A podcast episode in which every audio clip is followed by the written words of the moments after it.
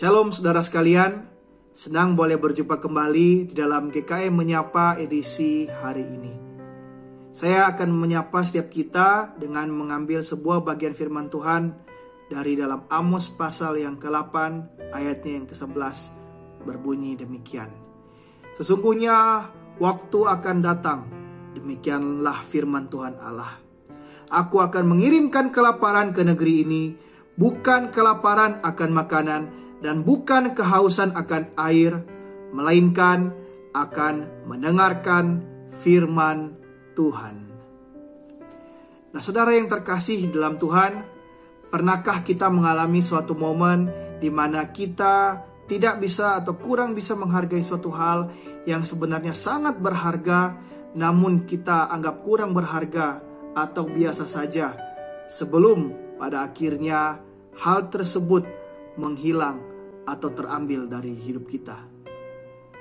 Nah, seperti itulah yang terjadi atau yang dialami oleh bangsa Israel, khususnya kerajaan Israel Utara. Di dalam perjalanan hidup mereka sebagai suatu bangsa, mereka menjalani kehidupan spiritual mereka secara sembarangan. Mereka mengangkat imam-imam menurut aturan sendiri, membuat altar dan patung sesembahan sesuai kehendak mereka sendiri, dan menganggap itu semua masih sebagai ibadah yang berkenan bagi Tuhan.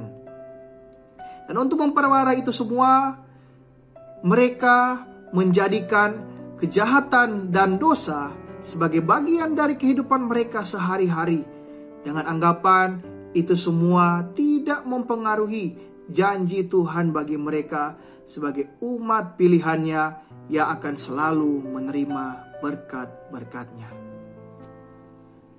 Nah saudara, sebagai Allah yang baik dan masih mau merangkul mereka, Tuhan telah berkali-kali mengirimkan banyak hamba-hambanya dan nabi-nabinya untuk berfirman dan bernubuat bagi mereka. Harapannya adalah dengan melalui itu mereka boleh kembali mengenal kebenaran, sadar akan dosa-dosa mereka, dan memilih jalan pertobatan dengan cara hidup yang benar. Namun, semakin banyak nabi dan nubuatan yang diberikan kepada mereka, mereka justru semakin mengeraskan hati dan menganggap semua firman Tuhan itu sebagai sampah dan kebohongan. Bahkan tidak sedikit nabi yang dianggap oleh mereka ini sebagai utusan-utusan dari kerajaan Yehuda untuk menggoncang kestabilan politik mereka seperti dalam Amos pasal yang ketujuh ayat yang ke-10. Itulah sebabnya hukuman yang telah disiapkan Tuhan bagi mereka tidak dapat terhindarkan lagi. Mereka akan mengalami kehancuran sebagai suatu bangsa dan akan dibuang kepada bangsa-bangsa lain hingga akhirnya mereka kehilangan identitas mereka. Dan mengenai masa-masa pembuangan dan hukuman itu, ia menjelaskan dengan keadaan yang sangat mengerikan, yaitu Aku akan mengirimkan kelaparan ke negeri ini, bukan kelaparan akan makanan dan bukan kehausan akan air, melainkan akan mendengarkan firman Tuhan. Nah, saudara yang terkasih dalam Tuhan, kehilangan kesempatan atau akses untuk mendengarkan firman Tuhan sama sekali merupakan suatu keadaan yang sangat-sangat mengerikan.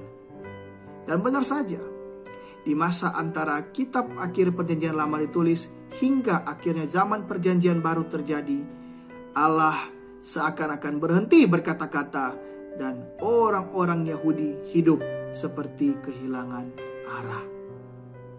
Syukur kepada Allah, hukuman ini tidak berlangsung selama-lamanya.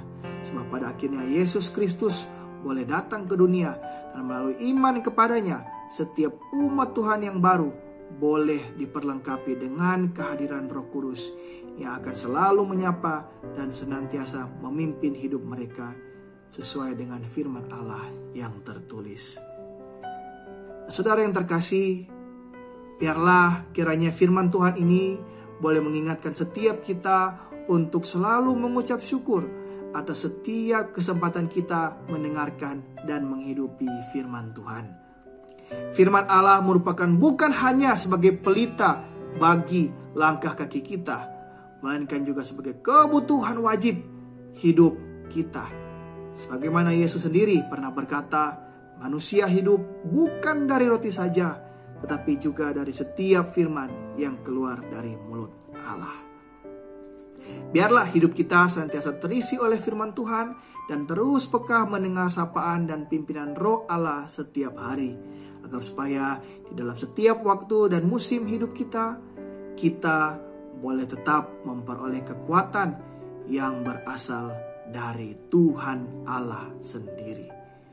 Tuhan Yesus memberkati setiap kita yang senantiasa berpegang pada firman-Nya. Amin.